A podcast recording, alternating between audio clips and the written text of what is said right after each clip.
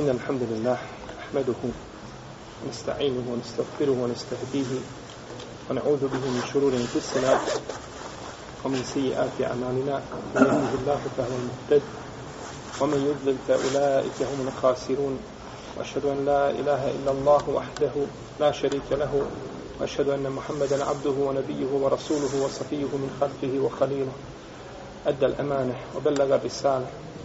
ونصح للأمة وكشف الله تعالى به الأمة وجاهد في الله حق جهاده حتى أتاه اليقين. أما بعد فإن أصدق الكلام كلام الله تعالى وخير الهدي هدي محمد صلى الله عليه وسلم وشر الأمور محدثاتها وكل محدثة بدعة وكل بدعة ضلالة ثم أما بعد. islamski učenjaci muhaddisi ili hadijski stručnjaci su postavili jako precizna pravila kada je u pitanju ocjenjivanje hadisa, njihovo verifikovanje shodno njihovoj vjerodostojnosti.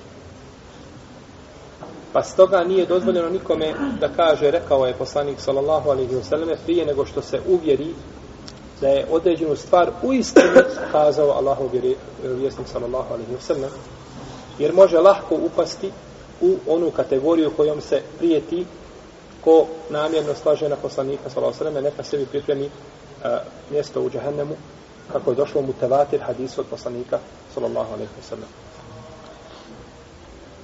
Prije nekoliko dana slušam, a vjerojatno ste i vi čuli, kako čovjek pred hiljadama, pred stotinama hiljada ljudi kaže hadis koga pripisuje poslaniku sallallahu alejhi ve selleme ihtilafu ummeti rahmet. Razilaženje u ome umetu je rahmet. Tako spominje hadis i pripisuje ga Allahovom poslaniku sallallahu alaihi wasallam. Ovaj hadis spominje imam Nasr al-Mahdisi u svome dijelu al-Hudže i spominje ga imam al-Bejhaki u svome dijelu al-Risale, al-Šarije i drugi bez lanca prenosilaca. Bez lanca prenosilaca. Znači nikako nema lanca prenosilaca. A nema razilaženja među hadijskim stručnjacima da je lanac prenosilaca elementarni dio a, za prihvatanje određene predaje. Pa ako nema tog elementarnog dijela, to vam je otprilike kao kao namaz bez početnog tekbira. Ili možda čak i više od toga. Ako nema lanca prenoslaca, koliko god predaje da je bila lijepa, ne može se prihvatiti i ne smije se raditi po njoj i ne smije se nikako pripisivati poslaniku sallallahu alaihi wa sallam Osim ako ima potporu u drugom hadisu ili ima potporu u određenim ili osnovnim ili, ili općim šerijetskim pravilima, to je druga stvar. U protivnom, nikako. Ovaj hadis, kada ga imam sujuti, spomenuo u svom dijelu Džamio Savir, kaže وَلَعَلَّهُ خُرِّجَ فِي بَعْضِ كُتُبِ الْمُحَدِّثِينَ الَّتِ لَمْ تَسِرْ إِلَيْنَا kaže možda ga bileže neki hadijski stručnjaci u svojim knjigama koje nisu dospjele do nas. Ove riječi imama Sujutije koje je kazao Rahimahullahu Teala, iako imam Sujutija bio veliki imam ovoga umeta, ima preko šestotina svojih dijela napisani, kazao je ovdje riječi koje su opasne, koje nisu ispravne. Možda, su, možda je taj hadis zabilježen u nekim knjigama koje šta nisu došle do nas. Što znači da ima knjiga hadisa koje nisu došle do nas i u tim knjigama ima hadisa od poslanika sallallahu alaihi wa sallame koji nisu prenešeni, što znači da su izgubljeni. Znači da je dio vjere šta? Izgubljen. I skoro sam našao na internetu jednog čovjeka, a vjerovatno da je šija po, po, njegovim, po njegovoj priči, znači koju izlaže u svome tekstu, gdje napada na ashabe, žustro i tekfirih i tome, kako spominje izjave imama Sujutije po pitanju nekih knjiga kako su izgubljene. Hadijske knjige. Pa kaže, pogledajte koliko kako je sunet poslanika izgubljen i kako sunije nemaju pri sebi sunneta, znači nemaju potpune vjere. Ove su riječi opasne. Znači, ne smije čovjek a, biti ubijeđen da je nešto od sunneta poslanika sa osrme izgubljeno i da nije došlo do nas. To je nemoguće. Uzvišeni Allah je sačuvao u vjeru, Kur'an i sunnet i ostaće takvi do sudnjega dana, Tačno, neke knjige do nas nisu došle. Kao, na primjer, Musnad imamo Musaddada. Musaddad ibn Sarhad ibn Sardal ibn Steurid al-Basri. On ima svoj Musnad. Nije došao do nas. No, međutim, imam Buharija njegov učenik. Imam Ebu Davud je njegov učenik. Imam Dari nije njegov učenik. I brojni drugi su njegovi učenici i prenijeli su nam njegove hadise koje on imao. Pa ako je izgubljena ta knjiga, ima druga knjiga u kojoj su došli ti hadisi istim ili drugim lancima prenosilaca, bitan nam je, znači, met ili tekst hadisa. Tako da je nemoguće da se nešto suneta, ni jedan jedini hadis da se izgubi, ako nam nije došao u toj knjizi, jeste došao u drugoj tim ili drugim lance prenosilaca, nije bitno, ili je u najmanju ruku, kažemo, naj, u najmanju ruku došle su druge predaje koje ukazuju na taj smisao i ništa od vjere nije sigurno, nije sigurno promijenio. Tako da, a, hadis, ihtilaf u umeti rahme nije hadis. Za njega kažu hadijski stručnjaki, la, hadijski stručnjaci kažu la asla lehu. Nema asla, nema osnove, to jeste nema seneda, nema lanca prenosilaca Kada kažu učenjaci nema la, osnove, znači nema lanca prenosilaca. Znači, odbaci ga, nema raditi po njemu. Imame subki, kako od njega prenosi imam Menavi, kada je spomenuo, ovaj hadis kaže lejse bi ma'ruf inda al-muhaddisin. Volem lek ولم أقف له على إسناد لا صحيح ولا ضعيف ولا موضوع Kaže, ovaj hadis nije poznat kod, nije poznat kod hadijskih stručnjaka. Nije poznat kod hadijskih stručnjaka. I ja mu, kaže, nisam našao lanac prenosilaca nevjerodostojan, niti slab, niti lažan. Znači, čak ni lažnog lanca prenosilaca u kome ima čovjek koji je, ovaj, kome je, kome je pripisana laž, nisu čak, znači, našli, nisu čak našli, znači, ni takav lanac i takav lanac prenosilaca. Isto to je kazao šejh Zekerija El-Ansari u svojim opaskama na tefsir imama Al-Bejdavija. Znači, hadis ihtilaf ummeti nije hadis. Ibn Hazm, kada je spomenuo ovaj hadis, kaže ima li, kaže, čudnijih riječi od ovih. A razilaženje u mome umetu je rahmet. Znači, ako je razilaženje rahmet, onda je sloga i ujedinjenje nešto što je suprotno rahmetu. Onda je sloga azab. A to je nemoguće da bude.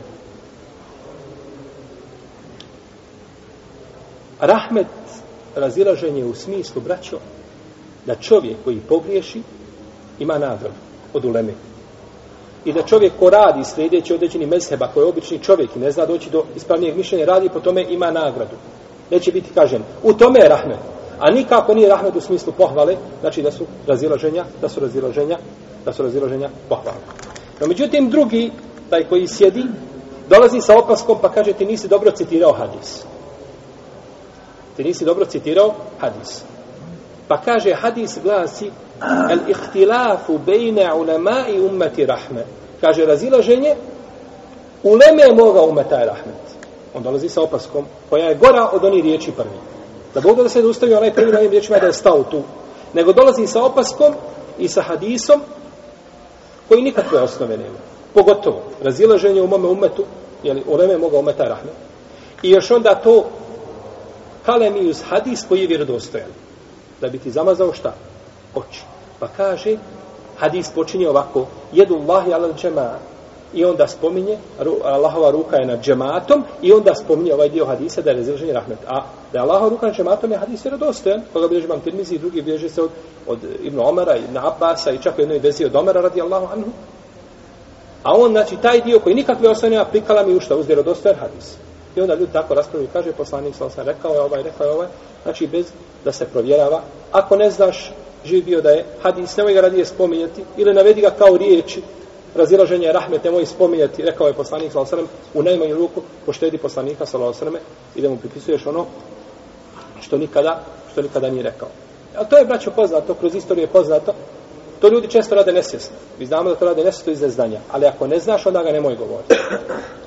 Spominje imam Mula Ali Al-Qari u svom dijelu Lasravu Al-Marfu'a da je jedne prilike eh, Ahmed ibn Hanbal i Jahja ibn Ma'in, to su bila dvojica ovaj, uh, najveći hadijski slušnjaka u to vrijeme, koji bili suvremenici, ušli u jednu džamiju i sjedi jedan čovjek, priča ljudima, priče, govori, pa kaže, pričao mi je Ahmed ibn Hanbel i ibn Ma'in od Abdurrazaka, od Mamar ibn Rašida, od Katade, od Enesa, da je poslanik sallallahu alaihi wasallam rekao, ko kaže la ilaha illallah, Allah će stvoriti od svake od otih riječi pticu koja ima nos e, ili kljun od, od, od, e, od zlata i peri od bisera i dragulja i ona nastavio govoriti hadis na 20 stranica. A nigdje u šarijetu nema hadisa od 20 stranica. Svaki hadis koji dođe na 5-6 stranica, odmah na njega stava onaj veliki upitnik ovaj preko cijele stranice. Jer je poslanik, kaže, u titu džavami al kelem, dat mi je jezgrovit govor. Gdje je jezgrovit govor kad ti meni pričaš 20 stranica? Jezgrovit govor je da sa malo riječi kažem šta? Velika značenja i da znači ti hadisi nose velike poruke, iako su po svome, znači, po svome obimu kratki i sažeti. Pa se zgledaju Ahmed ibn Hanbal i Jahja ibn Ma'in. Kaže, jesi ti to njemu pričao? Kaže, nisam. Jesi ti? Kaže, nisam nija. Pa su ga pozvali nakon toga. Kažu, ja sam Jahja ibn, ja sam Jahja ibn Ma'in, a ovo je Ahmed ibn Hanbal. Ko ti je pričao da je hadis? Kaže, ja sam čuo, kaže taj što priča, ja sam, kaže, čuo da ste vas dvojica glupi. A nisam, kaže, znao da ste toliko glupi. Tak sam se, kaže, sad uvjerio. Ja, kaže, znam 17 ljudi koji se zovu Ahmed ibn Hanbel i Jahja ibn Ma'in. Niste vi sami vas dvojica na dunjavu. Mi drugi.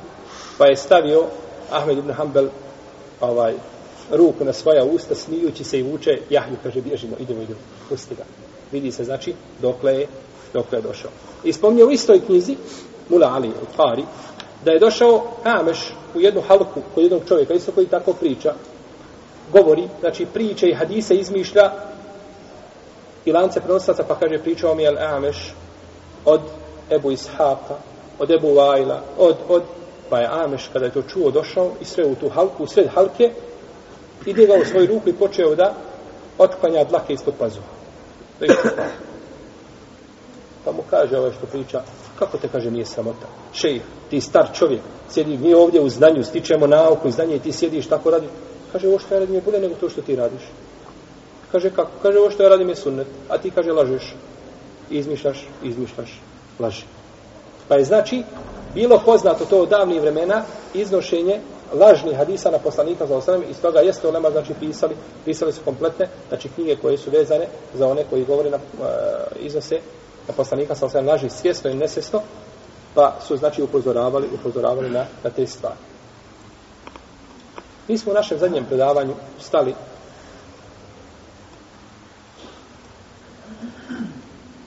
kod stvari koje će znači olakšati ili pomoći čovjeku da ustane na noćni namaz.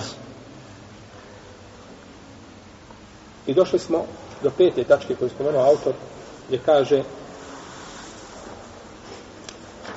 ako se boji da neće ustati na noćni namaz neka klanja vitr prva noć, znači u prvom dijelu noći. Tako je došlo od poslanika sa osam da je klanjao znači vitr nekada u prvom dijelu noći. Tako je poručio Ebu Hureyri i drugim ashabima da klanjaju vitr s početka noći i nema u tome nikakve smetnje. Iako smo više puta govorili znači da je bolje da se klanja u zadnjoj, u zadnjoj trećini noći.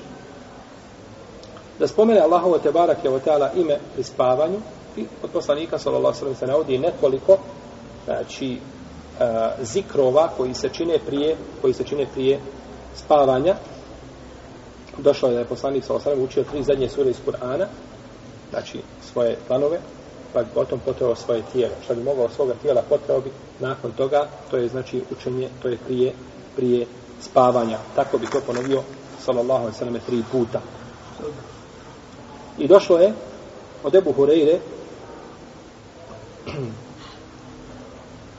a, od poslanika sallallahu alaihi sallam je došlo ko, po, ko prouči na veće ajetul kursiju, neće mu šeitan e, nanijeti nikakvo zlo do sabaha. Ne može mu prići. Ima pored njega čuvar koji ga čuva. U to je došao hadis kod Buharije poduži da je, e, da je Ebu Horeire jedne prilike čuvao a, sadakatul fitr. Zakatul fitr čuvao ga kod sebe hranu, znači, pa je došao na veće čovjek i krao. Pa ga je Ebu Horeire uhvatio, e, uhvatio, sukao mu ruku, kaže, sad ćete, kaže, prijaviti poslaniku sa osnovom. Kaže, nemoj, kaže, ja sam starac, čovjek, imam porodicu, moram ih hraniti, moram, pusti me, pa ga je pustio. Pa kada je pustio, kaže mu sutra poslanik sa osnovom, pita, kaže, a gdje ti onaj zarobljenik o sinoć? Kaže, Allah poslaniče, tako, rekao da ima porodicu, pa sam ga pustio. Kaže, doći on tebe opet. Pa je došao, kaže, znao sam sigurno da će doći zato što je poslanik sa osnovom rekao. Pa sam ga, kaže, čekao naredno večer, pa je Ponovo došao, pa sam guhati i rekao, e sad se nećeš izvući. Pa je kaže opet zacvilio, imam porodicu, moram se pra... Kaže, pa sam ga pustio. Pa je rekao poslanica, doći će opet. Pa sam ga, kaže, uhvatio, kaže, treće veče, kada sam uvio ruku, sad, kaže, sada nemaš opravdanje, sada idemo kod poslanika. Kaže, pusti me, poučit ću te nečemu što će ti koristiti. Reci, kaže, na večer kada pođeš, kažemo on onda, kada pođeš na večer u postelju, kaže, pa mu je jel, proučio ajetul kursiju, kaže, neće ti šeitan prilaziti do sabaha nikako. Imaće pored tebe, bit će hafil, neko ko će te paziti i čuvati, koga Allah odredi, neće ti naškoditi do, do sabaha. Pa je otišao da rekao poslaniku, sa osadama, kaže, sadakake, vohuve kezub. Istinu ti je rekao, a on je lažo. Kaže, znaš s kim si pričao? Ebu Horeire, kaže, ne znam, kaže, sa šeitanom. Sa šeitanom. Pa kaže poslanik, sa osadama, tu šta kaže? Sadakake, vohuve kezub. Istinu ti je rekao, a on je lažo.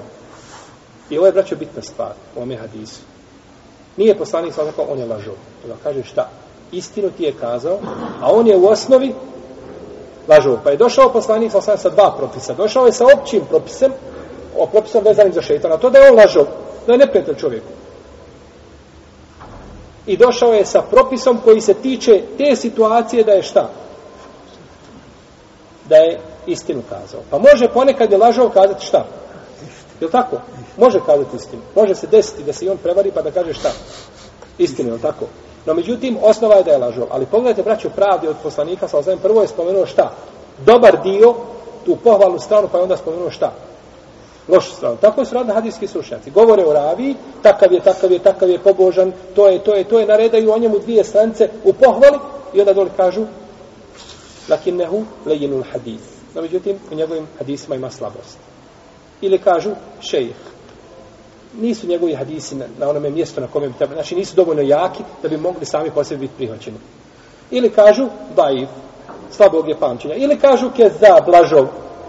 Nisu kazali lažov, Allah ga uništio i u džahennem ga bacio sa šeitanom i tako, nego kažu lažov i šta tu? Šta, jer to je dovoljno, kad se kaže za neko da je lažov, što ćeš očekivati od njega drugo, znači nego da dođe sa neistinom. No, međutim, bili su znači pravedni pri tome, pri kritici i pri pohvali. Pa je uvijek pohvala podrobno pojašnjena, a kritika je sažeta. Razumijete? Kad hvališ nekoga, spomeneš njegove dobre osobine. A kad spomeneš, kad moraš spomenuti loše, kažeš, no, međutim, ima neki stvari u kojima se ne slažemo sa njim. Ili tako nekako. Znači, na takav način ukažeš nešto na grešku. A ne staviš ga na onaj sto kod je operacijnoj sali, pa ga režeš i uzduži poprijeko, vadiš mu kosti. To nije dozvoljeno. Nego znači ukaže se na grešku koja je pri njemu. Jeste. Ima hadis od e, Ibn Mas'uda radijallahu anhu od e, Ebu Mesauda al-Ansarija da je poslanik sallallahu alejhi ve sellem rekao ko prouči dva zadnja ajeta iz sure eh, Al-Baqara bit će mu dovoljna za to veće ili će mu biti dovoljna da otkloni od njega zlo ili će mu biti dovoljna da da a, ne mora znači nakon toga da će biti na mjesto noćnog namaza shodno razilaženje među leme među lemom. I ova dva ajeta imaju u suri Al-Bekar, imaju posebnu vrijednost. Došlo je u skupine hadisa, znači od poslanika, sa osanem, pohvala ovim hadisima, da su one, da su oni objavljeni poslaniku, sa osanem, iz riznice koja je ispod Arša, i to je došlo u vjerodostojnom hadisu kod imama Ahmeda i Tajalisija u njihovim musnedima, i došlo je također kod imama Tirmizije i imama Ahmeda sa dobrim lancem prenosilaca, da je poslanik sa osanem rekao, u kojoj se kući prouče ovi aeti, a tri noći da se šeitan neće približavati, da se šeitan neće približavati takvoj kući. I došao vjerodostojno hadis kod imama Tirmizije i Ebu Davuda, da čovjek koji prouči o, suru uh, Kafirun s prva noći da će mu biti ona, a, da će se time odreći širka. Znači da će se time odreći, da će se odreći širka. I došlo je da je poslanik sa osam govorio Bismike Allahume mutu ahija kada bi išao na spavanje i govorio kada ustane kada ustane alhamdulillah alladhi ahijana ba'de ma amatna wa ilayhi wa ilayhi an-nushur i došlo je poslanika sallallahu alejhi ve selleme da je poznatom hadisu poznatom hadisu koga je bilježio Buhari muslim od eh, uh, Ali radijallahu anhu Fatime kada je tražila Fatima radijallahu ta'ala anha slugu od poslanika sallallahu alejhi ve pa je rekao da ti kažem nešto što je bolje od toga? Pa je ukazao znači da spominje prije spavanja 33 puta da kaže subhanallah, Allahu ekber, alhamdulillah. A, kaže da je to bolje od sluge pa je znači ukazuje na zikr koji se čini šta prije spavanja ona je tražila slugu a poslanik joj ukazuje na zikr je to bio odgovor ovaj shodno pitanje jeste možda skriveno ali je bio, odgovor je bio na pitanje. Nije bio, znači, a, a, ukazivanje nešto što nema veze sa pitanjem. Ja tražim slugu da mi pomogne, ti mi kažeš na večer uči 33 puta subhanallah i Allahu akbar i alhamdulillah. Šta mi to koristi?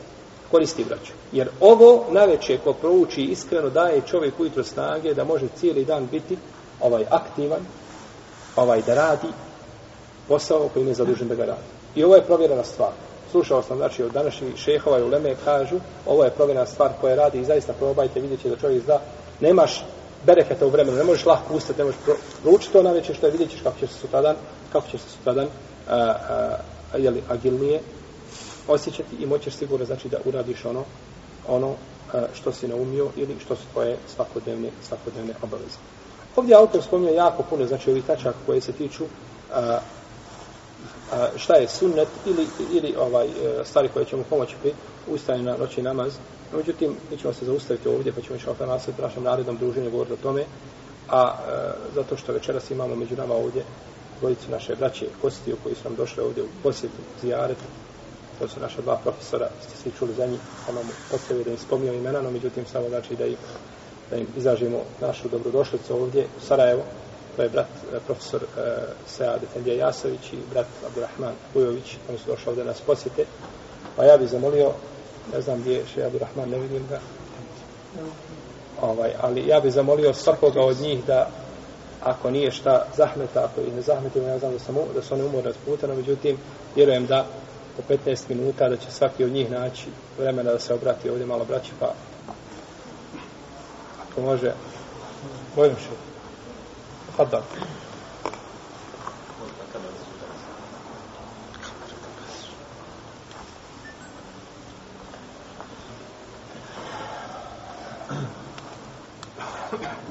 بسم الله الرحمن الرحيم الحمد لله رب العالمين والصلاة والسلام على رسوله الكريم وعلى آله وصحبه أجمعين وعلى من استنى بسنته واقتفى أثرهم إلى يوم الدين رضوان الله تعالى علينا وعليهم أجمعين ثم أما بعد السلام عليكم ورحمة الله تعالى وبركاته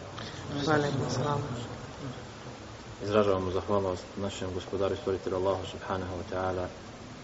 Neka je blagoslov i selam na Rasulullaha Muhammeda sallallahu alaihi wa sallam. Na njegovu časnu porodicu, na sve njegove ashabe i na sve sledbenike njegovog sunneta do sudnjega dana. Amin. Ja rabbel alamin. Nakon toga, assalamu alaikum wa rahmatullahi ta'ala wa barakatuh. Draga moja braćo, cijenjeni vjernici, ja se večeras izuzetno osjećam srećnim i zadovoljnim baš zbog ovog hajera u kome se nalazimo.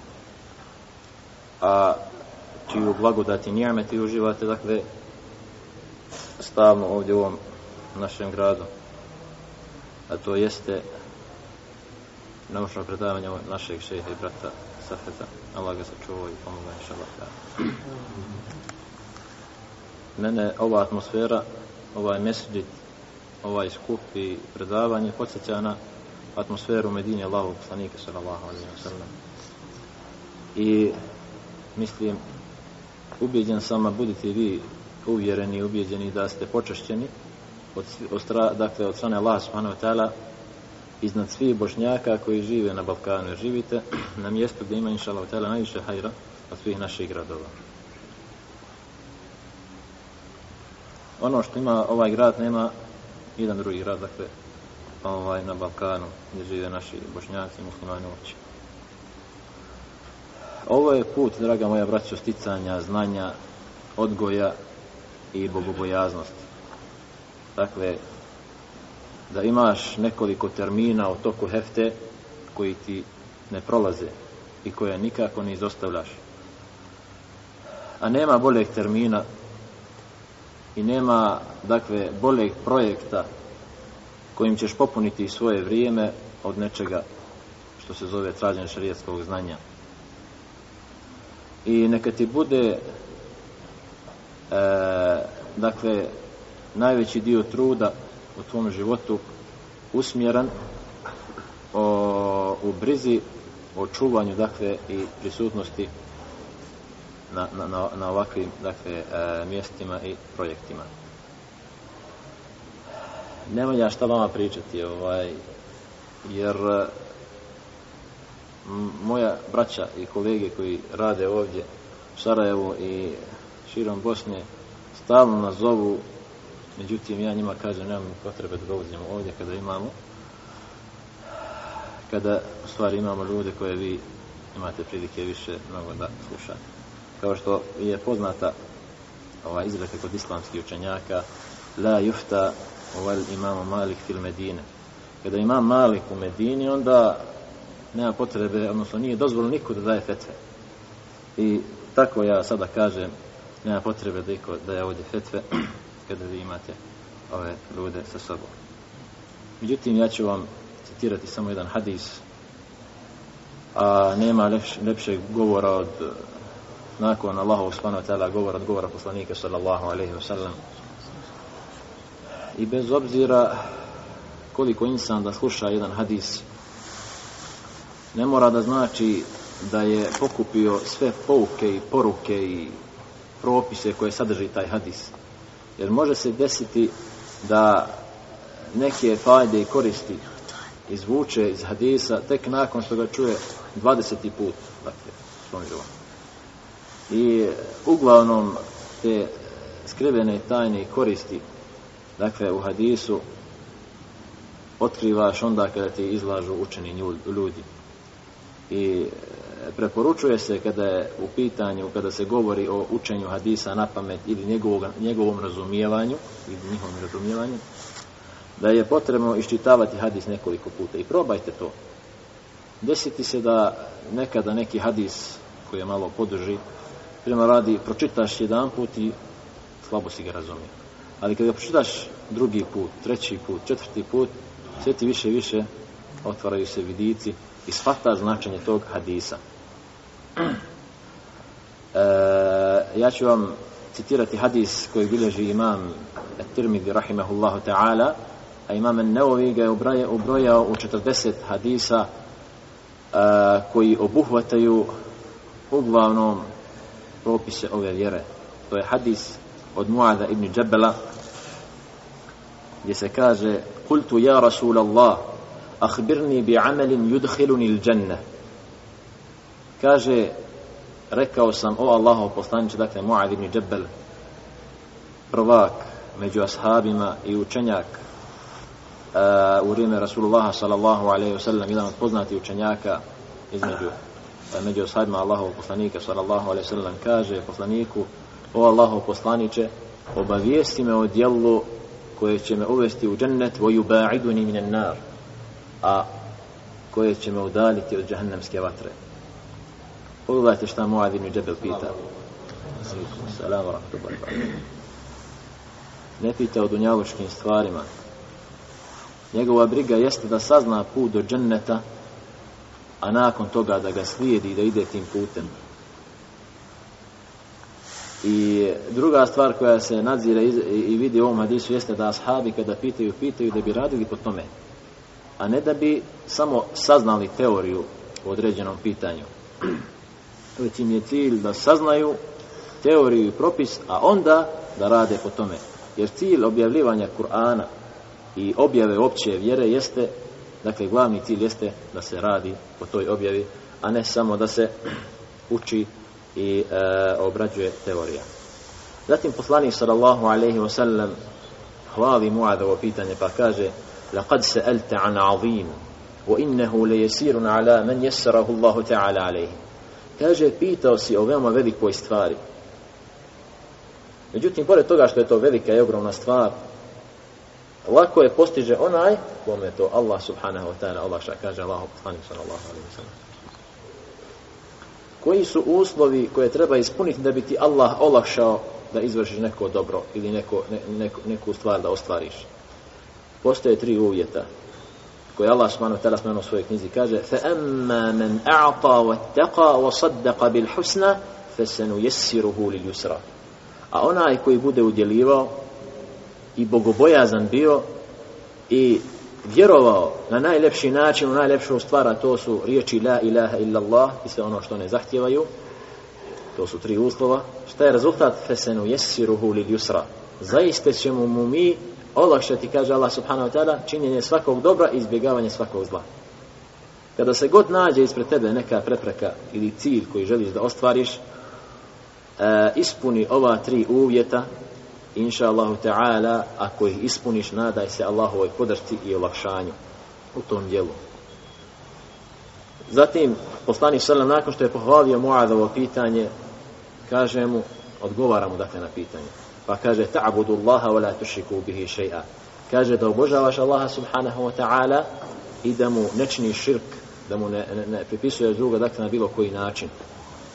Zatim, وتقيم الصلاة إذا أبولاش نماز وتؤتي الزكاة إذا داي الزكاة وتصوم رمضان إذا أستيش ميسيت رمضان وتحج البيت إذا أبوش حج To su dakle pet stvari e, koje su u stvari ruknovi Islama i temeli Islama e, i temeli na kojima počiva ova naša vjera. Što znači, draga moja braćo, da je poslanik Sallam pomenuo ovdje stvari e, i, i, i da je put do dženneta dakle djelo i rad. Onaj ko želi da dođe do dženneta i da stigne do dženneta mora raditi. Bez djela i bez rada nema nema dženneta. I poslanik sallallahu alejhi ve sellem kada je god upitan o imanu i islamu objasnio je i protumačio i definirao to uh, dakle e, da, da, da je to rad praksa i e, činjenje dijela koje približavaju Allahu subhanahu wa ta'ala. I to je jedan od dokaza, dakle jedan od ovih dokaza jeste jedan a, a, od dokaza da je iman i vjerovanje, ispravna definicija, dakle imana vjerovanje jeste riječi, da, da, da je to riječi i djelo. Zatim poslanik sallallahu alaihi ve sellem je ovdje ovim odgovorio Muaz ibn Džebel na pitanje. Dakle, do ovdje je odgovor na Muazovo pitanje. Međutim, poslanik sallam se ne zadovoljava ovim jer je on plemenit i da režljiv kada je e, kada, kada, kada mu traže bilo šta pa kada je u pitanju i znanje također poslanik sallallahu sallam je plemenit pitaju ga e, o morskoj vodi fenete odbao bi ma il bahr poslanika su sallam u hadisu koji je vjerodostan inša Allah ta'ala kaže hoćemo li se abdestiti? Da li je dozvoljeno da se abdestimo morskom vodom? Kaže poslanik sallam huwa tahuru ma'uhu al-hillu maytatuhu. Kaže morska voda je čista i čisteća i može se insan izvršiti šerijatsku čistoću očistiti se. Wal hillu maytatuhu. A, a mrcine mrcine morske su dakle mrcina morska je dozvoljena da se jede poslanik nije bio upitan o ovoj ovoj drugoj stvari međutim poslanik Selem zna da ovi ljudi koji pitaju morskoj vodi i da li je dozvoljeno da se uzima abdest morskom vodom zna da će oni naići na ovo pitanje, da će im trebati, dakle, e, e, teorija i znanje šarijatsko u pitanju e, životinja, mrtvi životinja koje nađu u moru. Pa im kaže, život, ovaj, morske, e, mor, morske, dakle, mrcine je dozvoljeno, dozvoljeno jesti. I ovdje poslani sallallahu alaihi sallam, kada je odgovorio Muazu im na pitanje, nastavlja, pa mu govori i spominje druge stvari, pa kaže, Afala adulluke ala abwabil khair. Kaže, zar nećeš da ti ukažem na vrata velikih dobara? Pa mu kaže, as-sawmu junne. Post je zaštita. Post je zaštita. Kakva je to zaštita? Post je zaštita i na dunjaluku i na Ahretu. Na dunjaluku štiti od činjenja loših dijela, a na ahiretu štiti roba i postača od džahennemske vatre ovaj dio hadisa ili ove riječi su došle i, i e, u hadisima koje bileže, koje, koje bileže Buhari i Muslim. Zatim, zar nije ovo veliko dobro? Dakle, da insan stekne zaštitu džahennemske vatre, da se spasi džahennemske vatre i da izbjegne činjenje ovaj, ružnih djela na dnjelku, Allah jeste I zbog toga je, a vrata kao ovom dobru jeste, as odnosno post. Zatim poslanik sallam ukazuje na druga vrata velikih dobara i hajrata, pa kaže وَالصَّدَقَةُ تُطْفِعُ الْخَطِيَةَ كَمَا يُطْفِعُ الْمَاءُ النَّارِ Pa veli, a sadaka, udjelivanje sadake, gasi grijehe i briše grijehe isto kao što voda gasi vatru, kaže Rasulullah sallallahu alaihi wa sallam. Vrijednosti sadake udjeljene na Allahom subhanahu wa ta'ala putu su poznate i u ajetima i u hadisima Rasulullaha sallallahu alaihi wa sallam. U hadisu koji bilježi imam Tirmidhi i Ibn Hibban stoji inna sadaqata sirri la tutfi al ghadab ar rabbi wa tadfa umitata su kaže poslanik sallallahu sallam udjeljivanje sadake u tajnosti otklanja odnosno gasi sržbu gospodara i otklanja boštvo šetak na ovom svijetu. Velika vrijednost. Velika vrijednost e, koju, koju donosi e, ovo, do, ovo dobro djelo. Donosi se da je Ali ibn Husein ibn Ali radijallahu anhu, dakle unuk Ali radijallahu anhu, svake noći nosio e, hranu medinskim ulicama i tražio medinske siromahe i udjelivao, udjelivao im dakle u tajnosti. I nisu znali kojim je donosio a, tu hranu i kojim je dolivao sadaku kada je preselio, sve dok nije preselio. Kada je preselio, prestalo je te hrane i te sadake, pa su oni saznali kojim je, odakle, da, odakle dakle, bio ta izvor te njihove sadake i obskrbe. I na tabutu, dok su ga gasovi primijetili su, dakle, ostatke i tragove tog tereta na njegovim leđima. I govorio dok je nosio tu sadaku, inne sadakate, sadakate sirri, u fi vilami lejl, le tutfi u gadaba rabu kaže udjeljivanje i sadaka a, u, u mrkloj noći, dijeljenje sadaka u mrkloj noći i u tajnosti gasi srđbu gospodara svih svijeta. Zatim poslanik sallallahu alaihi sallam dalje kaže wa salatu rajuli fi jawfi al-layl. I kaže i, obavlj, i, i također obavljanje noćnog namaza u sred noći. Šta? Gasi dakle grijehe i briše grijehe kao što voda gasi gasi vatru.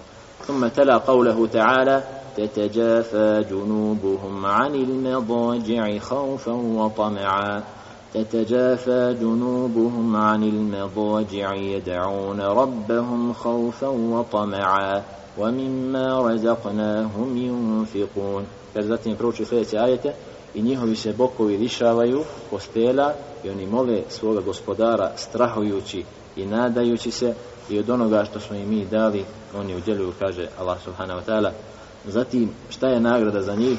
فلا تعلم نفس ما أخفي لهم من قرة أعين جزاء بما كانوا يعملون i niko ne zna šta im je Allah pripremio od, rado, od, od skrivenih dakle radosti kao nagradu zbog onoga što su zbog onoga što su radili Dakle, to su troje vrata velikih dobara, obavljanje noćnog namaza. Vrijednosti noćnog namaza su svima poznate. Međutim, pitanje koje postavljam sebi i svima nama i muslimanima jeste gdje su oni koji, koji obavljaju dakle noćni namaz. Koji obavljaju, svi, svi mi znamo vrijednost noćnog namaza. Međutim, koliko nas ustraje obavljanju, obavljanju noćnog namaza. Također je poslanik spomenuo specifično vrijeme za obavljanje noćnog namaza, a to jeste sredina, sredina a, noći ili zadnji dijelovi noći kada uzvišeni Allah subhanahu wa ta'ala kako stoji od Buhari i muslima od uh, uh, Abu Hurajra radijallahu anhu hadisu od Abu Hurajra jenzilu rabbuna tebarake wa ta'ala kulle lejletin fi thuluthi lejl akhir kaže poslani sallam naš gospodar silazi svake noći u zadnjoj trećini, u zadnjoj trećini noći ila, ila sema i dunja dakle na dunjaloško nebo. Fe je kul hel min da'in fa estejibe leh. pa Allah subhanahu wa ta'ala pita i govori ima li iko da moli pa da mu se odazove? Wa hal min sa'idin fa u'tije ima li iko da traži nešto pa da mu ja to dadem? Wa hal min mustagfirin fa agfira leh ima li iko da traži oprost pa da mu ja oprostim? Subhanallah innehu huvel barur rahim. Doista je naš gospodar doista je naš gospodar dobar i milostivje. Pogledajte kako samo izlaže svoju dobrotu i svoju milost svojim robovima. Međutim, kako su samo ljudi nemarni prema ovoj dobroti svoga gospodara. Kako ljudi provode vrijeme dok uzvišeni Allah subhanahu wa ta'ala nudi svoju dobroti i svoju milost. I svoj oprost i svoje odazivanje njihovim, njihovim dovama. Molim Allaha subhanahu wa ta'ala da budemo najsrećniji ljudi kada je u pitanje obavljanje noćnog namaza, a posebno u ovom dijelu, u ovom dijelu noći.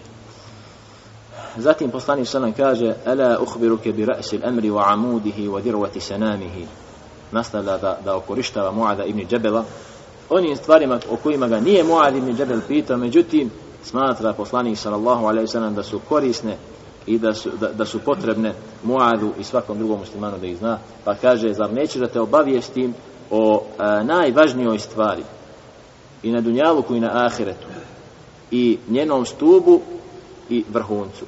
Kultu bela ja Rasulallah, rekao svakako o Allahov poslaniće, kaže Muad ibn Džebel.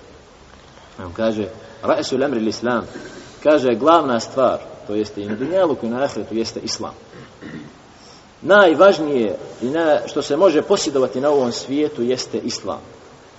Onaj ko nema islama, uzvišni Allah subhanahu wa ta'ala ga smatra mrtvacem, pa kaže, ewa men kane mejtan fa ahjejnahu, وجعلنا له نورا يمشي به في الناس كمن مثله في الظلمات ليس بخرج منها zar onaj koji je bio mrtav pa smo ga mi oživjeli Dakle, Allah, ko je ovdje, e, dakle, ovaj mrtvac kojeg Allah s.w.t. spominje?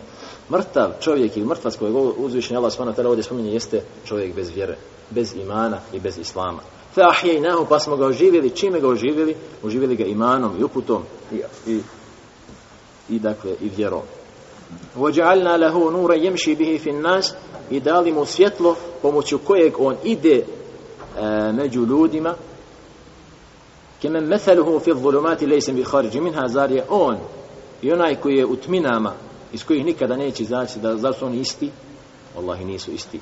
Koje je ovdje svjetlo koje se pominje šta se misli pod svjetlom? To se misli pod ovim znanjem koje vi uzimate ovdje. Dakle insan širijetsko znanje je nur i svjetlo koje insana vodi e, na ovom svijetu i na dunjaluku i osvjetljava mu dakle put do dženneta. Pa mu ukazuje šta je haram šta je halal koje su Allahove subhanahu wa ta'ala granice i koji je to put koji vodi koji vodi do dženneta bez, e, bez e, stvari koje srde gospodara svih svijeta. Zbog toga islamski učenjaci spominju da su učeni ljudi, da su učeni ljudi, dakle, poput jakih svjetiljki e, za ljude poput jake svjetiljke dakle u mrtvoj noći isto kao što jake svjetiljke obasjavaju dakle ljudima put i prostor u tamnim noćima tako učenjaci ljudima osvjetljavaju obasjavaju put do dženneta. Subhanallah. Molim Allaha subhanahu wa ta'ala da nas učini od, od, od, od, tih, od tih ljudi onih koji, i, oni, i od onih koji slušaju koji slušaju učene ljude. Zatim, a, stup te vjere jeste as-salat. Dakle, stup u amuduhu as-sala. Imam ibn Rajab, rahimahullahu ta'ala, kada tumači ovaj hadis i, i, i namaz uopšte, kada govori o namazu i, njenom, uh, i njegovom stepenu u islamu, uh, u, u knjizi Džami al-Ulum al-Hikem, kaže da je to uh, poput da je uh, namaz dakle u islamu isto kao onaj e, središnji stup u šatoru na kojem šator opstaje kada se razapne. Ima onaj u sredini stup koji održava, održava taj šator. Kada se makne i otkloni taj šator, taj stup, e, šator pada. Isti takav, isti, isti slučaj dakle sa namazom kod roba i kod insana. Kada insan nema i sruši taj stup od sebe, onda je srušio i svoju vjeru. I poznato je razilaženje kod islamskih učenjaka po pitanju onoga koji ostavlja namaz i veoma su jaki dokazi onih koji smatraju ostavljača namaza nevjernikom danas Allah subhanahu wa ta'ala toga sačuva zatim u vjerovatu se namih il džihadu kaže a vrahunac te, te stvari jeste borba na Allahu subhanahu wa ta'ala putu to jeste džihad dakle vrhunac je nešto što je najuzvišenije što znači da ljudi i, i muslimani kada se prihvate te najuzvišenije stvari bit će također najuzvišeniji i bit će na vrhuncu. I, takvi, I tako je i bilo. Dakle, historija i stvarnost nam je to posvjedočila. Zatim poslanik sallallahu alejhi ve sellem kaže Muadem Džebelu posljednji savjet koji mu upućuje kaže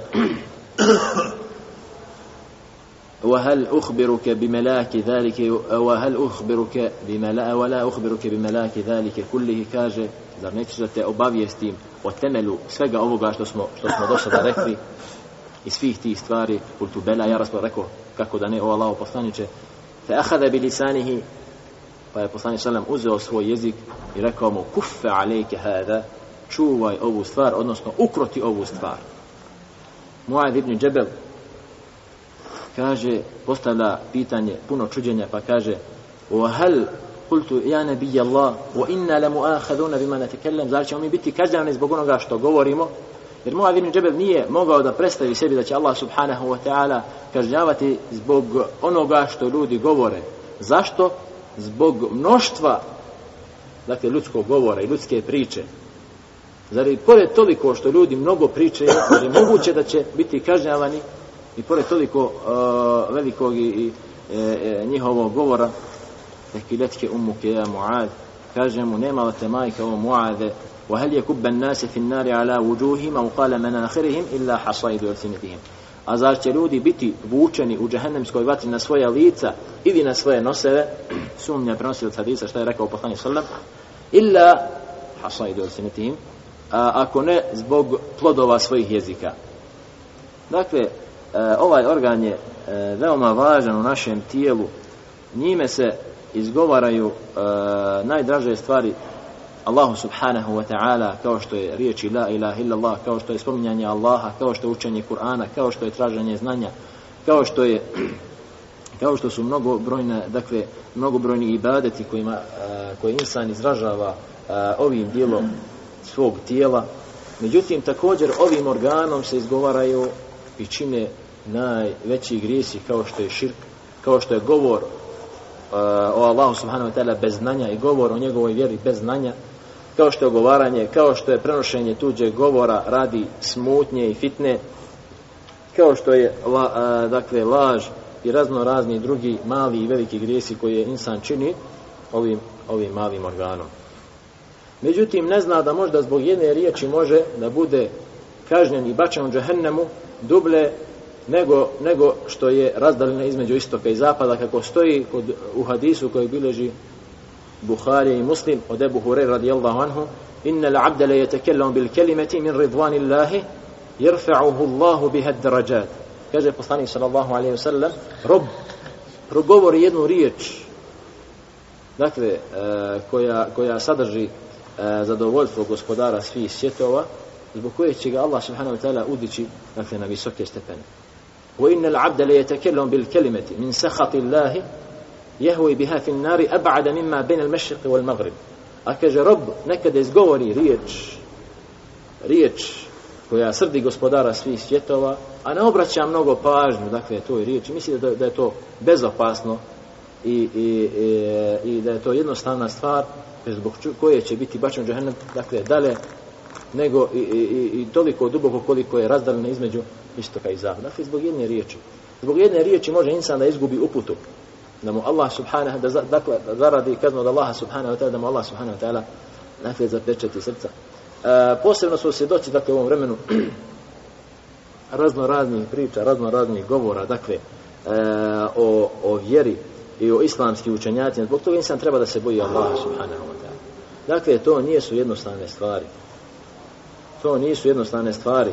I e, e, meso e, islamskih učenjaka je dakle otrovno u smislu e, simbolično dakle rečeno. Oni koji ogovaraju islamske učenjake doista dakle stavljaju otrov u svoja tijela.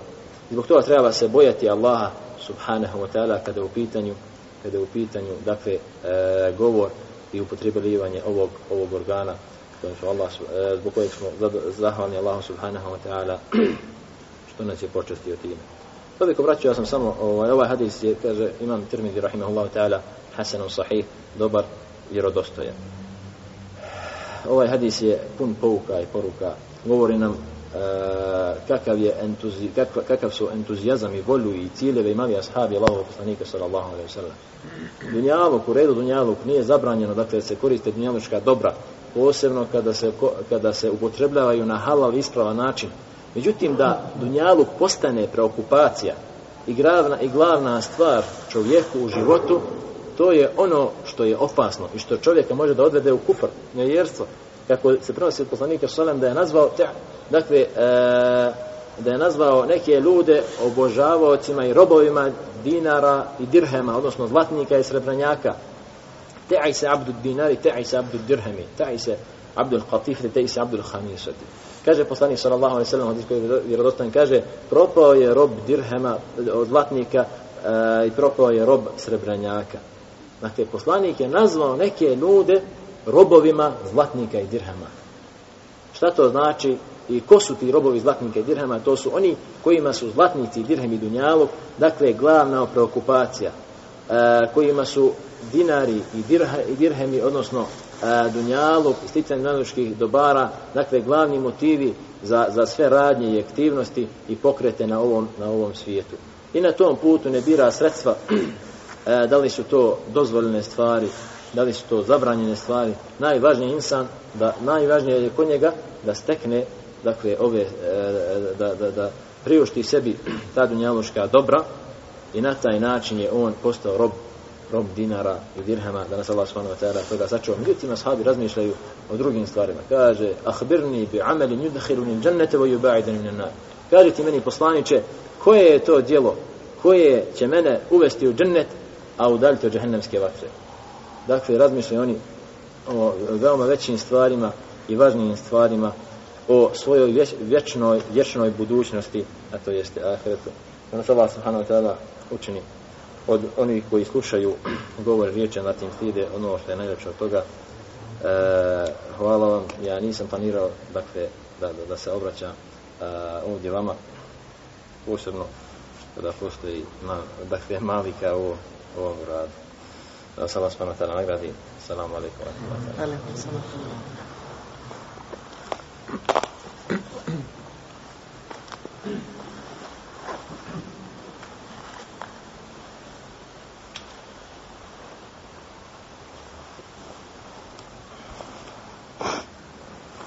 أعوذ بالله من الشيطان الرجيم. بسم الله الرحمن الرحيم. الحمد لله على آلائه وشكر له على توفيقه وامتنانه. وأشهد أن لا إله إلا الله وحده لا شريك له في أرضه وسمائه.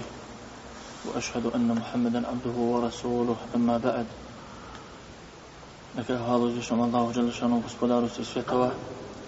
Neka je salavat i salam na Muhammeda Rasula, njegovu časnu ashabe, na sve one koji slijede njegov put, njegov sunnet, njegovu stazu, njegovu praksu do sudnjega dana. Amin.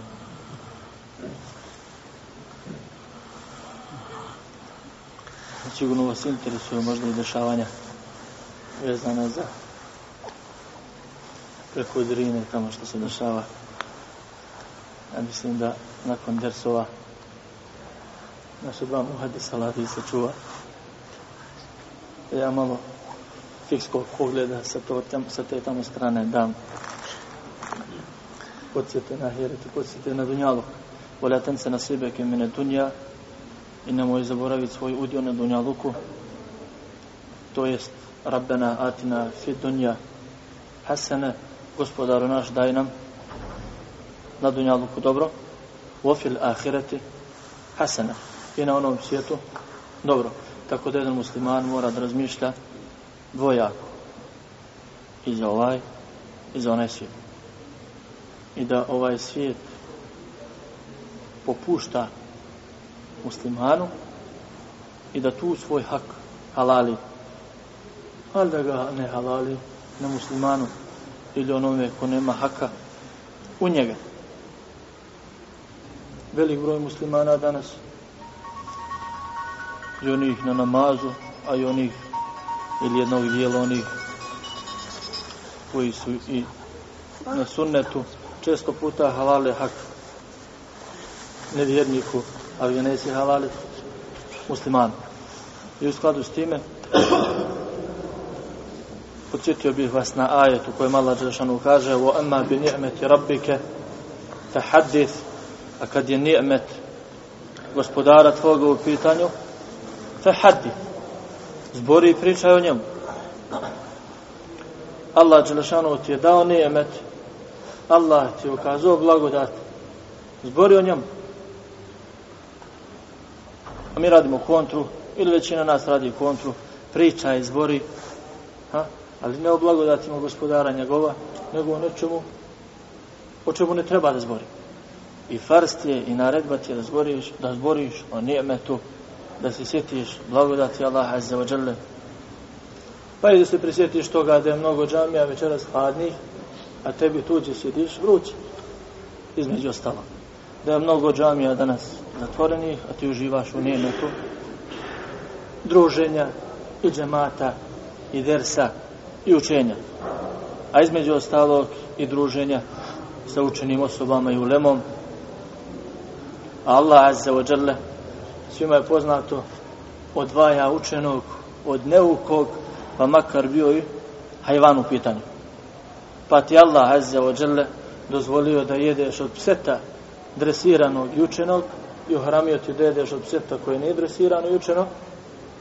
Pa ako Allah odvaja između hajvana učenih i neuki, a šta to mi trebamo tek činiti kad je u pitanju insan učen ili neuk?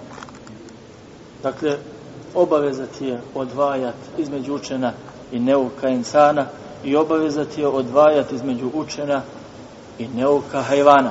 I to je ajet o kojem Allah Đelšanu kaže Fakulu mimma emsekna alejkum i jedite ono što vam uhvate dresirana pseta. Vodkuru sma Allahi alejhi spomenite Allahovo ime. Onda kad ih puštite tamo da hvataju. I ako Allah Đelešanu ukazuje na nešto drugo, a to je ilm kod hajvana, a šta znači tek ilm kod insana. Tako da cijenite ilm i znanje, budite svjesni njemeta i blagodati koje vam je Allah dao, zborite o nimetu kojeg uživate, zborite o ljepotama kojima ste, jer što čovjek se više sjeća njemeta, više šanse za šukr. Allah Đelešanohu ne prestaje s nijemetima sve dok rob ne prestane sa šukrom. Sa čime? Sa zahvalom.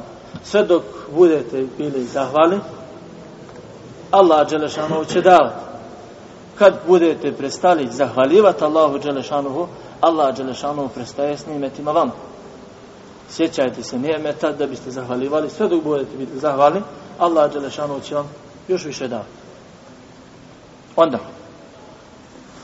Poslanik sallallahu alejhi ve sellem kaže: ahsenukum imana, ahsenukum khuluqa." Najlepšeg imana, najlepšeg tauhida, najlepšeg šehadeta, najlepše vjere i onaj koji je najlepšeg ahlaka.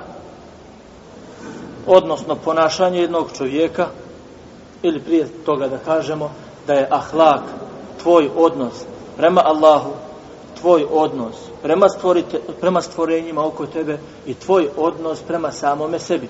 Pa treba da se ahlakli prema Allahu, treba da se ahlakli prema njegovim stvorenjima i treba da se ahlakli prema samome sebi. A poslanik sallallahu alejhi ve kaže najboljeg imana, najsavršenijeg imana ko onaj koji je najljepšeg ahlaka, Pa onaj koji baca smeće po putu, sad ću povezati to sa hadisom poslanika sallallahu alaihi wa sallam, je onaj koji je krnjavog imana. A bacanje smeće po putu je kontra najnižoj stavci ili grani imana, a to je o imatatul edani tariq, ukloniti prepreku s puta, je grane imana. Pa kad čovjek stavlja prepreke na put, I put nije samo to staza, već put, autoput, autostrada. Kad staviš auto, parkiraš gdje ne treba i to je prepreka od 4 metra na put. Ili kad prokopaš put pa tamo neko ne može prođe, ili, tako, ili staviš na neku vezu između tebe i baba, tebe i sina, tebi i komšije, tebi žene, tebi i roditelji. I to su putevi i veze. Pa tu prepreke čovjek kad ih postavlja, onda čini neka vrsta nevjer, neke vrste nevjerstva. Jer mač preprekuje grane imana, stavi preprekuje grana kufra. Pa se onda čuva i od te sitne grane kufra, jer sitna po sitna, malo po malo nabere se čovjeku, dosta. Ahsenukum imana, najljepšeg imana, onaj koji najljepšeg hlaka, što znači da ne može biti lošeg hlaka pod parolom ja čuvam svoj iman. Ne možeš pljuvati, govoriti ja čuvam svoj iman, ne možeš biti muslimana, dizati ruku na muslimana, a poslanik ali islam kaže da ju umenu ahadukum ili neće vjerovati ili neće biti pravi musliman sve dok ne se čuva drugog muslimana od svojeg jezika i od svoje ruke i sve dok ne budeš dobrog ahlaka prema Allahu, prema stvorenjima njegovim kod broj jedan muslimanima od njegovih stvorenja nemaš zulma, nemaš pravo na zulum ni prema nevjerniku. A kamo li prema muslimanu? I onda čovjek mora to da uzme u obzir ako hoće da bude najljepšeg imana i ahlaka. Upamtite hadis najljepšeg, najsavršenijeg imana i tevhida je onaj koji je najljepšeg ahlaka.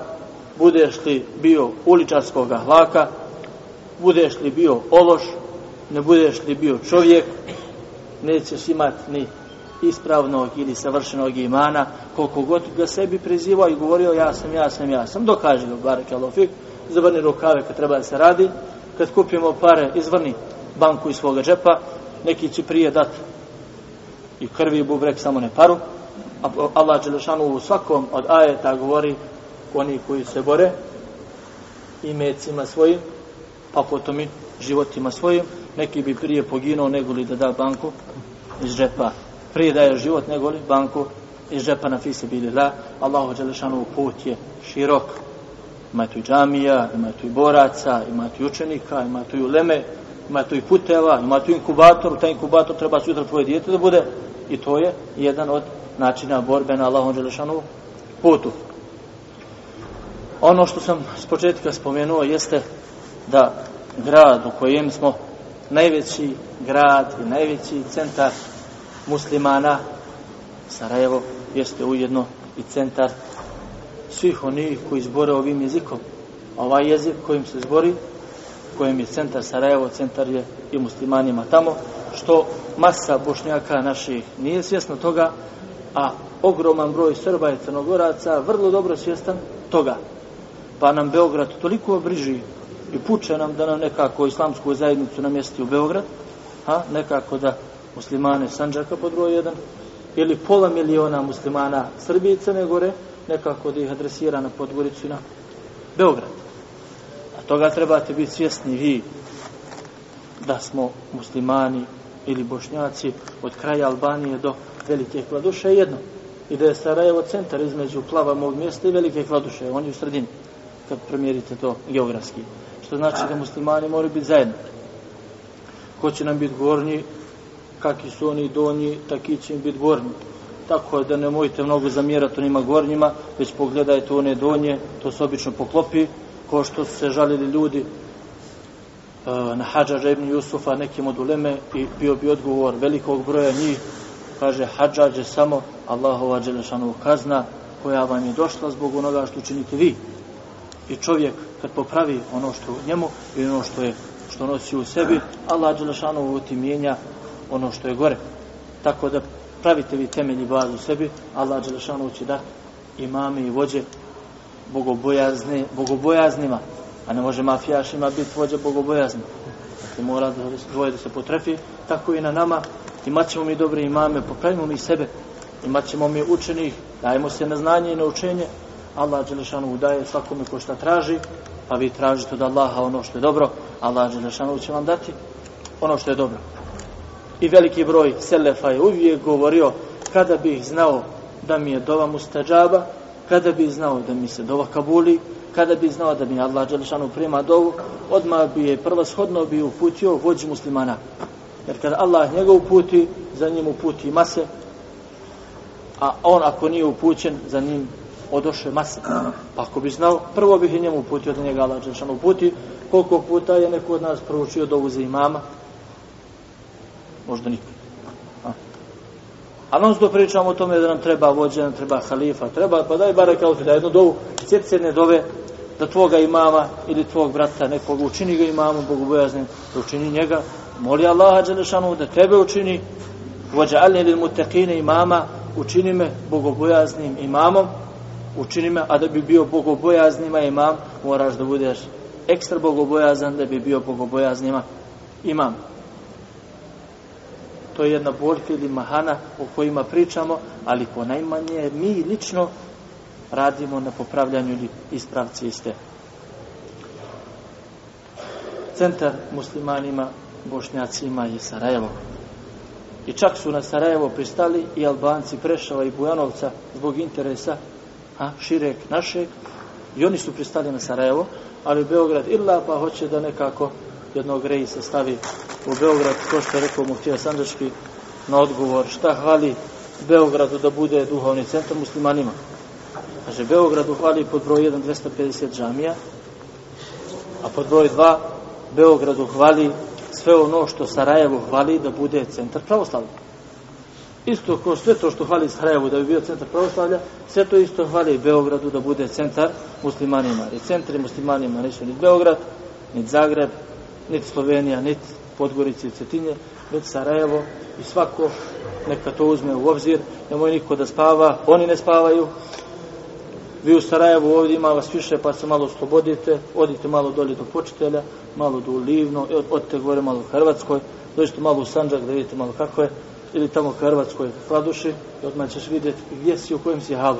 Nema spavanja, nema ništa nebitno, nema ništa nevažno. Sve ti je važno, Rabbena, atina fi dunja hasene, gospodaru naš daj nam, na dunjaluku hasene, u ofila ahireti hasene, na ahiretu dobro, i spasi nas džehennemske vatre, i ko bude rekao, batali dunjaluk, treba nam ahiret samo, to je ili kršćanin ili sekularista.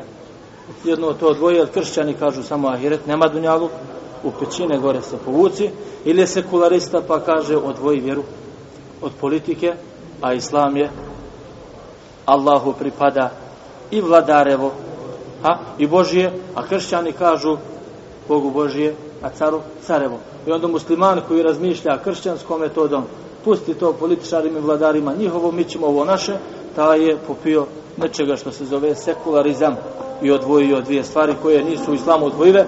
Musliman razmišlja o jednom o drugom. Molim Allah za šanu da nam ukabuli današnji ders, da da da se nasihatimo, da budemo svjesni mjesti gdje smo i gdje živimo i okruženja u kojem smo. Allah će da sve zajedno nagradi, sve zajedno se stavi u džennetu i zborite o nimetu u kojem uživati blagodatima u kojima vas je Allah Đelešanu obasu. Subhanak Allahumma bihamdik. Nešhedu an la ilaha ila ent nastagfiru. Wa netubu ilik.